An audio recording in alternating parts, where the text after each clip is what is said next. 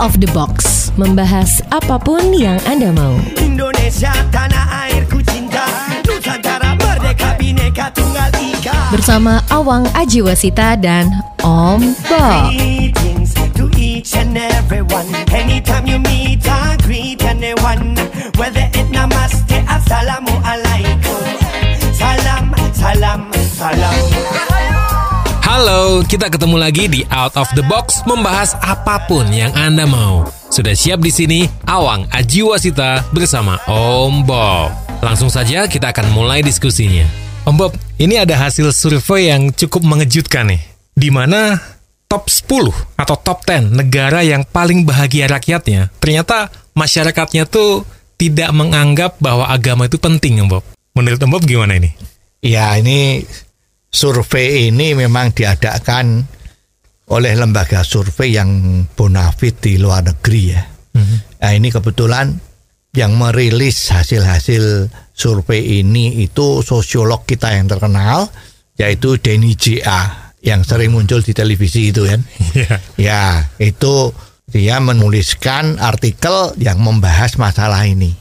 Ya kita sebagai orang-orang yang beragama di Indonesia ini, ini ya merasa terkejut ya. Ini apa betul? Ini kok menyimpulkan dari top 10 negara yang rakyatnya itu paling bahagia, itu kok mayoritas warga negaranya itu menganggap bahwa agama itu sudah tidak penting di dalam kehidupannya dia. Nah ini kan repot ini ya, bagaimana yang menjelaskan ya. Mengagetkan Tetapi ini masalah ini sudah bukan eh, percaya atau tidak percaya ya, tapi hasil dari survei ini kan dilakukan oleh lembaga kredibilitasnya yang tinggi di luar negeri sana. Oke. Hasil dari survei atau tulisan ini memang patut ya kita renungkan. Ya, renung-renungkan ya. Ini kok bisa terjadi seperti ini itu bagaimana ya? Nah, sekarang yang perlu kita perhatikan adalah bahwa survei ini dilakukan secara ilmiah Oke. ya tidak abal-abal dan ini dilakukan oleh lembaga salah satunya adalah PBB ya Oh. dan dia melalui yang namanya Sustainable Development Solution Network dan ini sudah terbit ranking 153 negara berdasarkan kebahagiaan warga negara. Oke. Wow. Nah ini survei ini untuk tahun 2020 ya. Jadi ini kalau sekarang lagi bulan Maret ini ya Cukup fresh lah ya. ini yang ngadakan survei ini juga bukan macam-macam ya. Ini istimewa sekali itu ya. Salah satunya kan dari dunia survei yang paling terkenal itu kan Gallup ya sekarang. Oh. Ya, Gallup ini juga lembaga survei yang dipakai oleh beberapa lembaga-lembaga di Indonesia. Oke. Ya, untuk mensurvei eh, bagaimana tanggapan masyarakat terhadap perusahaannya maupun terhadap lembaganya. Ya, jadi Gallup ini termasuk yang kredibilitasnya tinggi. Oke. Dan ini hasil-hasil ini kan terus diolah oleh mereka-mereka yang berkecimpung di dalam penelitian baik ekonomi, sosial, budaya maupun yang lain-lain ya. Jadi ini melibatkan banyak orang sehingga muncullah hasil survei tadi itu. Hmm. Nah, dari hasil yang disurvei ini ada dua survei yang sangat berperan di dalam kesimpulan yang tadi disebutkan di atas tadi oleh Denny J.A. ya. Oke. Mengapa survei ini dilakukan untuk mengukur tingkat kebahagiaannya, Om Bob? Ya karena kalau adanya negara itu kan tidak cuman diukur dari hasil ekonominya saja. Ya misalnya pendapatan per kapitanya itu besar. Oke. Ya itu kan tidak menjamin orang itu bahagia. Ya, pendapatan ekonominya besar tapi kalau cara-cara pemerintahnya itu adalah misalnya itu adalah menekan ya dengan pajak yang tinggi misalnya ya. Oke. atau semua yang warga negara yang umurnya antara 18 sampai 30 itu harus kerja bakti.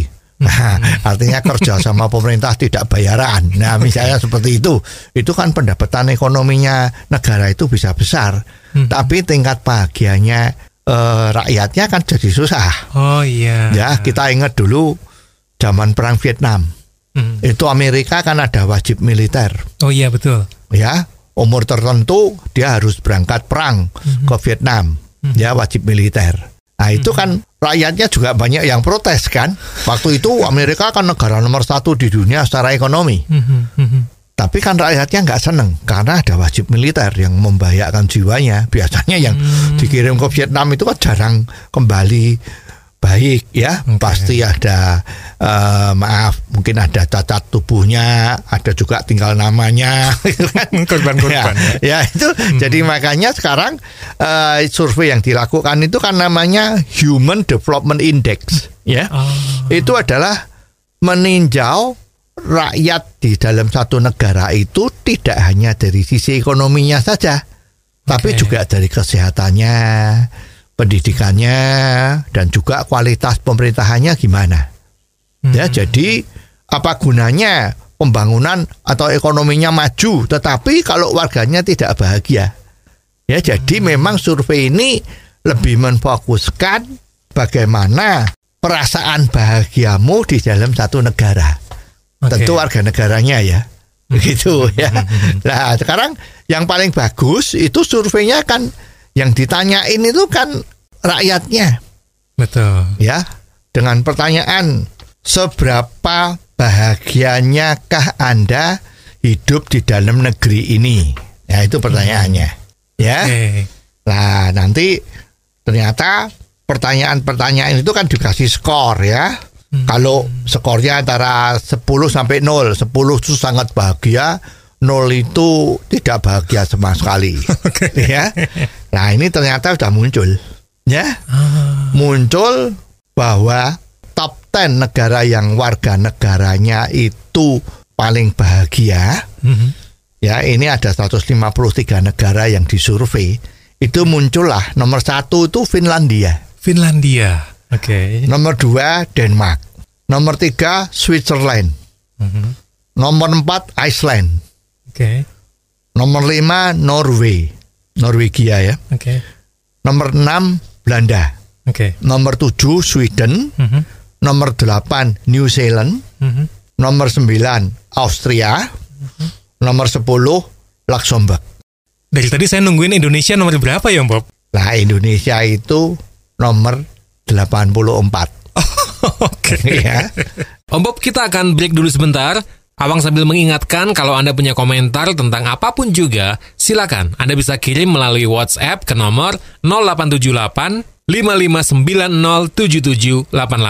Ikuti juga Out of the Box versi singkat atau pendek dalam program Underline yang setiap hari disiarkan di radio kesayangan Anda ini. YouTube channelnya juga ada, Om Bob Indonesia. Each and everyone. Salam, salam, salam. Kembali lagi di Out of the Box membahas apa pun yang Anda mau. Awang Aji Wasita bersama Om Bob. Kali ini kita masih membahas tentang adanya hasil survei yang mengejutkan. Di mana 10 besar negara yang paling bahagia, mayoritas warganya tidak lagi menganggap agama itu penting. Oke, kita lanjut lagi ya. Caranya nyekor kita nggak ngerti, tapi ada angkanya. Ya tadi yang top 10 itu angkanya bersekitar 7.238 sampai 7.809. Hmm, Ya, angka makin tinggi dia makin bahagia. Oke. Nah di Indonesia itu masuk ranking nomor 84, angkanya itu 5.286. Lumayan ya. ya jadi kalau yang paling nomor satu tuh 7.800 ini 5.286 ya. Jadi eh, skornya cukup banyak ya. Nah ini dari segi kebahagiaan hidup di dalam satu negara ya. Oke. ini survei ini dilakukan seperti itu. Nah sekarang ada lagi survei yang lain ya. Survei yang lain itu adalah ditanyakan seberapa penting agama itu di dalam persepsi warga negara tersebut Oh, Ya. Oke. jadi ini yang ngadakan yang tadi itu Ya, pollingnya dilakukan oleh perusahaan yang namanya Gallup ya. Pertanyaannya apakah agama itu penting dalam kehidupanmu sehari-hari? Nah, ini jawabannya boleh dipilih yes atau no, tapi ada juga yang tidak menjawab Oke. ya dan tidak tahu itu ada juga ya. Begitu ya, berdasarkan survei untuk kepentingan agama ini, maka terdapat susunan ranking dari 149 negara dari berbagai kategori. Oke. Nah, survei tersebut bisa mendapatkan hasil bahwa yang paling puncak yaitu agama yang dianggap penting sebanyak 90% dan yang lain adalah yang menganggap agama sudah tidak begitu penting. Itu ada 40%. Oke. Ya. Dan sekarang kita bisa lihat dari peta Google, kalau kita lihat dari Google Map, Oke. itu nanti negara-negara itu akan kelihatan mana saja penduduknya yang menganggap agama itu penting, yaitu di atas 50% bahkan sampai 90% menganggap agama itu penting dalam kehidupan sendiri-sendiri ya itu dari Google Map akan kelihatan. Ya contoh misalnya kalau kita lihat itu list negara yang menyatakan agama itu penting yaitu 90% ke atas ya. Ada India Arab Saudi Mesir Filipina dan Indonesia.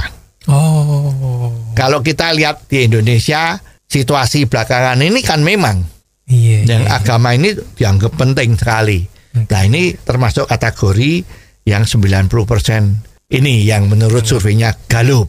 Ya oke. Terus contoh list negara yang tidak nganggap agama itu penting dalam kehidupan sehari-harinya alias di bawah 40% Betul. dari warga yang tinggal di negara itu bisa tampak dari Google Map tadi itu Jepang, Hong Kong, Perancis, Inggris, dan Amerika. Dan kalau kita melihat situasi dunia yang sering kita lihat di televisi atau berita-berita dari sosmed itu kelihatannya kok relevan ya. ya, apa yang hasilnya Gallup survei ini relevan. Ya, kalau kita mikir-mikir, kita renungkan, oh ya ya kok mestinya seperti ini gitu, ya.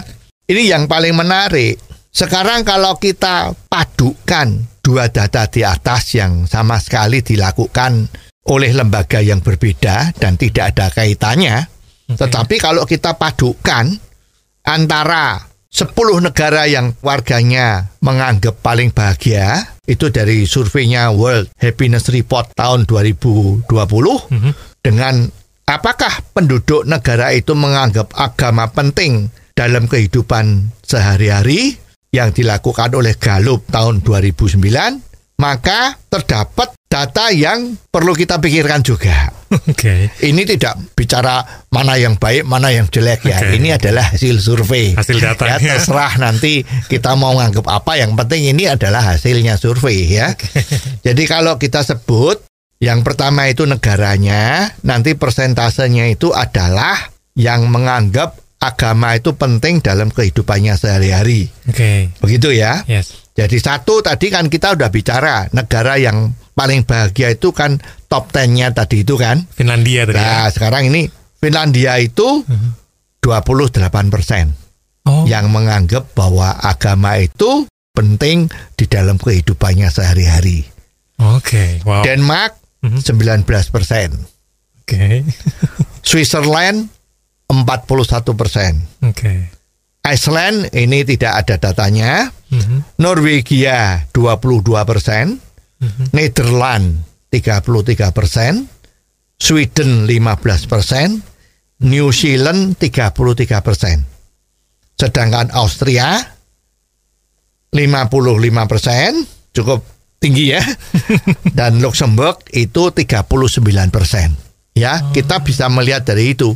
Jadi 8 dari 9 negara yang warga negaranya paling bahagia tadi itu mayoritas tidak menganggap agama itu hal yang penting dalam hidupnya. Hanya satu yaitu Austria yang di atas 50 persen. Tadi itu 55 persen. Nah ini kan kejadian yang aneh ya. ya bukan aneh, ini ke- kejadian fakta. Oke. Ya, fakta aneh tapi fakta, aneh tapi nyata. Bahkan di Swedia hanya 15% persen Iya 15 persen. yang menganggap agama itu penting. Di Denmark kan terkenal tuh negara yang kebebasannya luar biasa kan. Itu memang hanya 19% persen yang menganggap agama itu penting di dalam kehidupannya sehari-hari bagi penduduknya. Oh. Well, Om Bob kita break dulu sebentar ya. Jangan lupa kalau Anda punya komentar tentang apa pun juga yang bisa kita bahas di sini, langsung aja dikirim via WhatsApp ke nomor 0878 55907788. Jangan lupa juga ikuti Out of the Box versi pendek atau singkat dalam program Underline yang disiarkan di radio kesayangan Anda ini setiap hari. Anda juga bisa mengikuti melalui YouTube channel di alamat Om Bob Indonesia. Each and everyone. Salam, salam, salam. Awang Ajiwasita masih bersama dengan Om Bob. Tentunya di Out of the Box membahas apa pun yang Anda mau. Masih kita diskusikan seputar hasil survei yang menyebutkan bahwa 10 besar negara paling bahagia ternyata mayoritas warganya tak lagi menganggap agama itu penting. Nah, kita lanjutkan lagi diskusinya. Jadi kalau kita rata-rata dari tadi hasil persentasenya itu kelihatan bahwa 10 negara tadi yang paling bahagia itu warga negaranya tidak menganggap agama itu penting di dalam kehidupan sehari-hari. Ya, ini ini oke. fakta Oke. dari hasil survei ya. Kita boleh percaya, boleh tidak, tetapi ini paling sedikit jadi bahan renungan kita sendiri apa yang sedang terjadi ya di dunia ini. Lah, ceritanya kan dunia sekarang itu kan sudah tanpa batas ya. Betul. Borderless ya. Itu internet merajalela itu dari kota sampai desa. itu sekarang sudah terbuka sekali informasinya kejadian-kejadian yang menjadi value beritanya besar dalam tempo tidak sampai dari berapa menit itu sudah sampai seluruh dunia. Oh iya. Ya, jadi kita di Indonesia juga bisa lihat apa yang terjadi di Amerika real time. Ya, misalnya kemarin ada pada saat pemilihan presiden. Oh iya. ya, di mana presiden Trumpnya itu berbuat yang sedikit kurang elok kalau dilihat ya, itu juga langsung tahu. Terus ada beberapa tindakan-tindakan ras diskriminasi yang dilakukan di Amerika sana. Semua kita tahu. Hmm. Ya, demo anti eh, memprotes diskriminasi yang terjadi semua tahu. Sebaliknya juga di Indonesia kalau ada kejadian-kejadian yang news value-nya besar, seluruh dunia langsung tahu. Hmm. Nah, ini kan terus bisa menimbulkan semacam survei orang yang tertarik, orang-orang sosiolog yang hebat-hebat langsung mengadakan survei apa persepsinya dunia terhadap segala sesuatu yang terjadi itu ya menjadi bahan pelajaran. Oke, well, Om Bob kita kembali ke hasil surveinya yang tadi. Terus gimana dengan negara-negara yang masyarakatnya 90% itu menganggap bahwa agama itu penting? Seberapa bahagia mereka ya? Ya, ini kalau kita lihat dari data ini ada ini. Misalnya ini India. Oke. Ya, India itu kan 90%. Mhm, Ya. Agamanya Hindu. mhm, betul. Ya, nah ini tingkat kebahagiaannya urutannya tadi kan ada 153 negara. Betul. Nah, ternyata ini menduduki posisi 144. Oh, ya.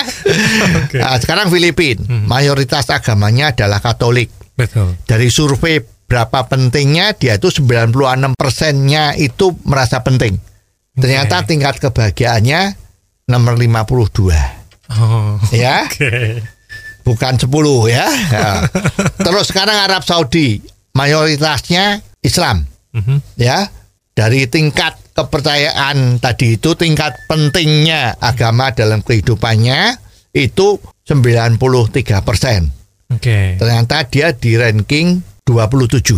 Oh, Sedangkan Thailand Mhm. Agamanya Buddha mayoritas.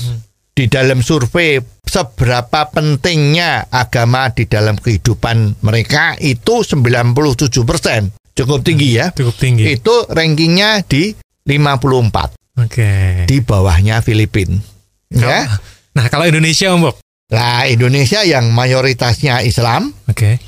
itu dari hasil surveinya tadi itu kan 99 persen. 99 persen. Itu menganggap agama sangat berpengaruh di dalam kehidupan sehari-harinya. Oke. Ternyata rankingnya dari kebahagiaan itu 84. 80. Ya, jadi ini hasil survei. Survei, yes. Ya, kita boleh percaya, boleh tidak. Walaupun ini yang pengadaan survei kan lembaga yang kredibilitasnya tinggi. Ya, nah kita sebagai bahan saja untuk diketahui ya. Wah, ini jadi fenomena yang sangat menarik ya Om Bob ya. Ternyata warga negara yang paling bahagia di ruang publiknya tidak lagi menganggap bahwa agama itu penting ternyata. Ya ini kalau bisa dijelaskan bahwa tiga kunci yang menjadi penentu seorang bahagia atau tidak itu sebetulnya adalah social trust. Oke. Ya, social trust itu adalah keakraban, kepercayaan antara warga negara, antara eh, si A dan si B di dalam satu negara yang saling percaya, Oke. pertemanan yang bagus, ya, Mhm. tidak memperdulikan latar belakang dan identitasnya warga itu, ya. Terus juga ekosistem ruang publik yang membuat nyaman.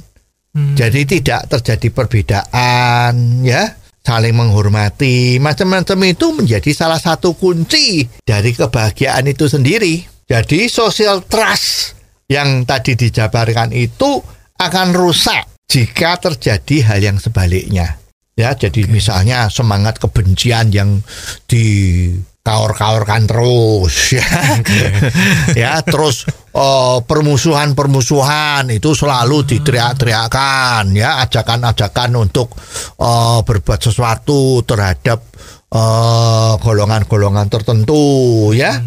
Terus juga dinding pemisah yang sepertinya besar dan tinggi sekali antara hubungan antara semua masyarakat di dalam satu eh, lingkungan ya.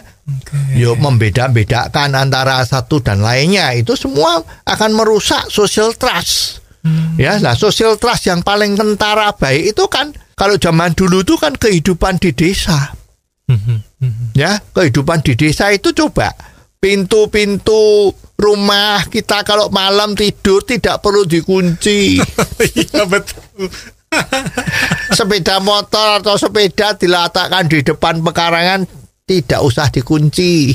Tidak mungkin ada orang yang mengambil. Mhm. tidak ada orang yang mencuri ya.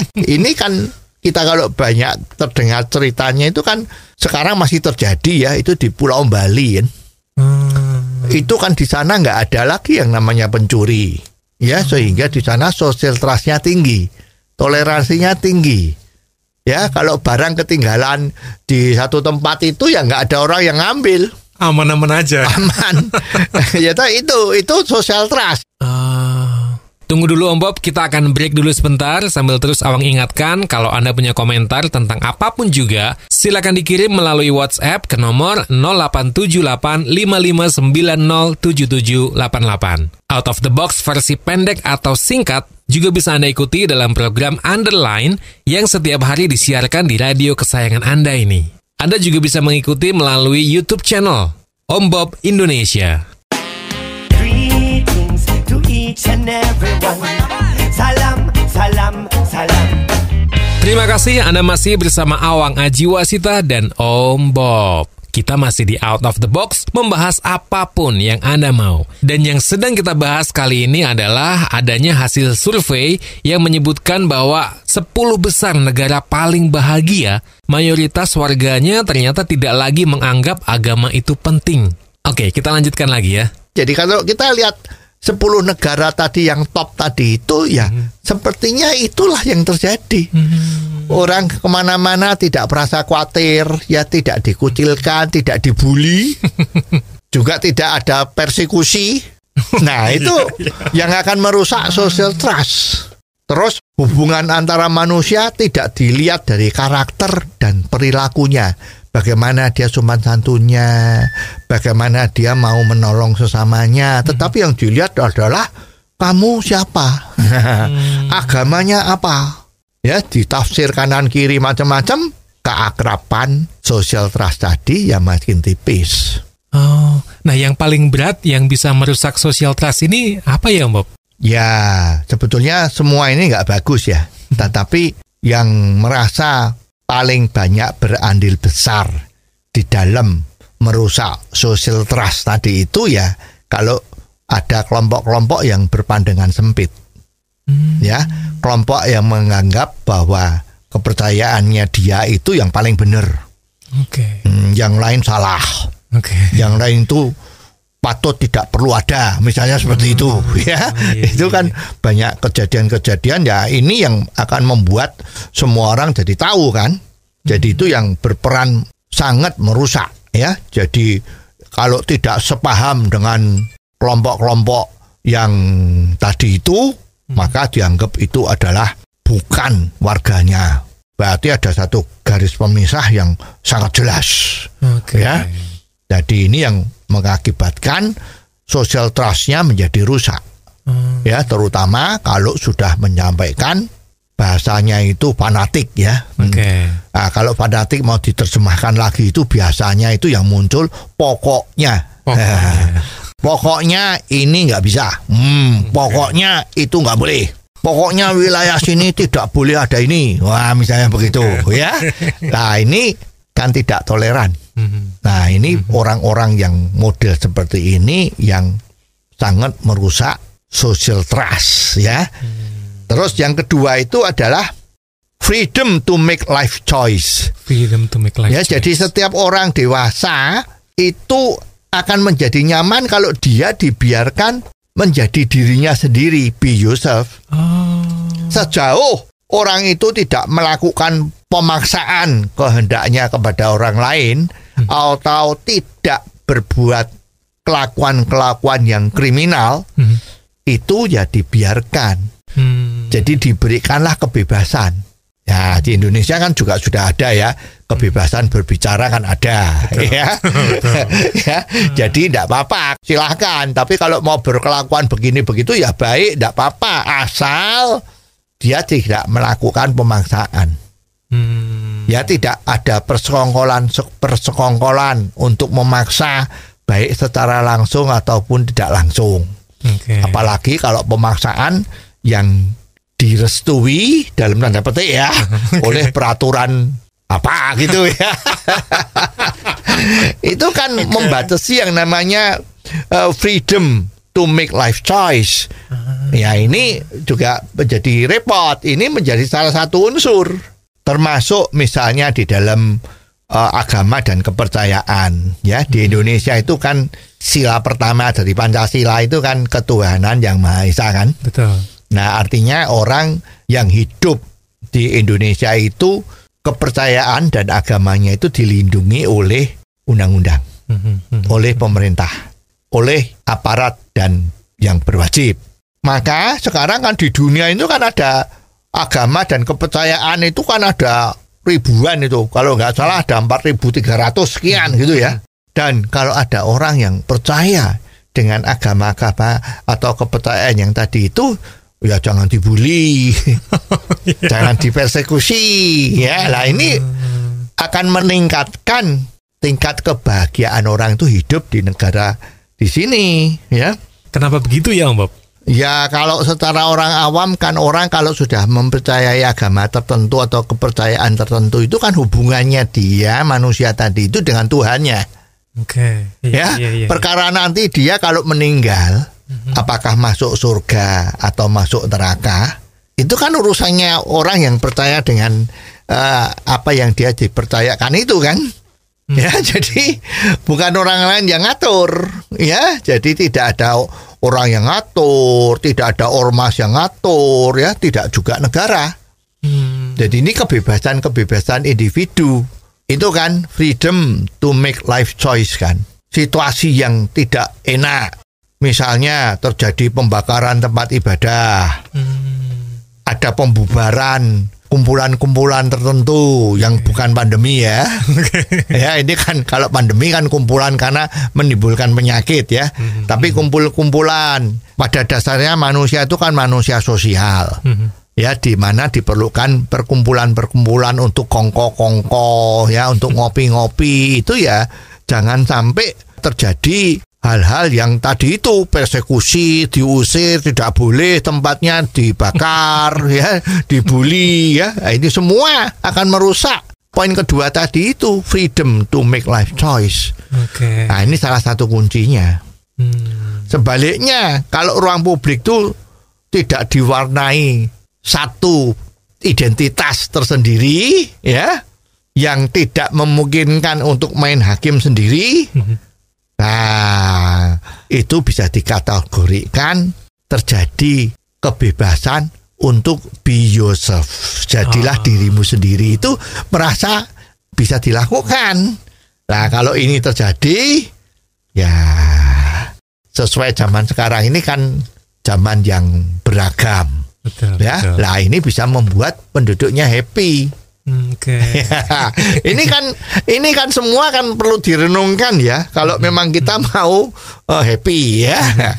Nah, Om Bob kita akan break dulu sebentar. Tapi kalau Anda punya komentar tentang apa pun juga yang bisa kita bahas di sini, langsung saja dikirim melalui WhatsApp di nomor 0878 55907788. Anda juga bisa mengikuti Out of the Box versi singkat atau pendek dalam program Underline yang setiap hari disiarkan di radio kesayangan Anda ini. Anda pun juga bisa mengikuti melalui channel YouTube Om Bob Indonesia. Greetings to each and everyone. Anda masih mendengarkan Out of the Box membahas apa pun yang Anda mau. Awang Ajiwasita bersama Om Bob. Hasil survei yang menyebutkan bahwa 10 besar negara yang paling bahagia di dunia, ternyata mayoritas warganya tidak lagi menganggap agama itu penting. Masih kita bahas di episode kali ini. Oke, kita lanjut lagi ya. Yang ketiga adalah adanya social support. Semua warga negara itu akan merasa nyaman jika ada support atau dukungan itu dari lingkungannya, terutama yang menyangkut kesejahteraan, kesehatan yang dilakukan oleh pemerintah. Oh, kalau di Indonesia gimana Bob? Ya, di Indonesia ini terutama kalau yang namanya BPJS Oke. itu luar biasa. Ini sudah dilakukan sama pemerintah. Ya, BPJS itu kan rakyat relatif bayarnya tidak begitu tinggi, terjangkau lah ya. Tapi layanannya istimewa di seluruh dunia itu tidak ada asuransi kesehatan yang sehebat di Indonesia. Ya, tapi sayangnya kan BPJS itu kan sepertinya ya juga ada Iya, iya. ada itulah ya, ada itulah ya. ya katanya ada sesuatu yang bagaimana gitulah ya. Nah, terus juga mengenai pemerintah untuk kesejahteraan ini terutama dalam mengatasi pandemi COVID-19 ini Indonesia nomor satu dari seluruh dunia seluruh dunia masih bingung bagaimana mencari vaksin. Pemerintah kita sudah yang pertama. Dirikan oleh seluruh dunia. Indonesia kok hebat bisa punya vaksin sedemikian cepatnya. Ya, waktu ini teman-teman waktu you sekarang lagi dengar omong-omongan kita ini mungkin you sudah divaksin. ya, kalau you mau tahu itu Filipina itu sempat ngancam Amerika, dia mau beli vaksin dari perusahaan Pfizer di Amerika.